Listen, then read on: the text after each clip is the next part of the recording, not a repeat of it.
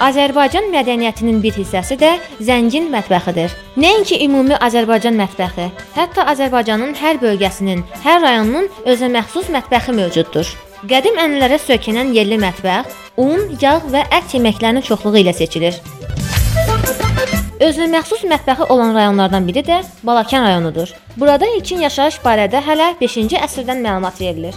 Təbii, belə qədim tarixi olan bölgənin qədim və nadir mətbəxi də var. Balakən mətbəxini nəql etmək üçün maxaranı misal göstərmək olar. Maxara unu südə qarışdırmaqla sacın üstündə bişirilən xəmir xörəyidir. Əsasən Balakən rayonunun kəndlərində yayılıb. Maxaranı bişirmək üçün müəyyən qədər un, süd, yumurta çalınaraq duru xörə hazırlamaq lazımdır. Südün əvəzinə ayrandan da istifadə etmək olar. İçərisinə zövqə uyğun olaraq sarı kök, göyərti, zəfəran da qatmaq olar. Sonra sacın altına ocaq qalamaq lazımdır. Sacın üzərinə töküləndə saçaqlar yaranır və günəşə oxşar forma alır.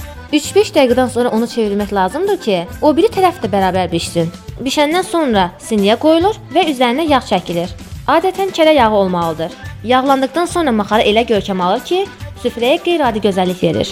Maxara adətən bal ilə yeyilir. El adətinə görə maxaranı daha çox yağış yağanda örtülü damın altında bişirirlər. Balakən mətbəxinə bələd olmaq üçün maxaranı dadmağa dəyər.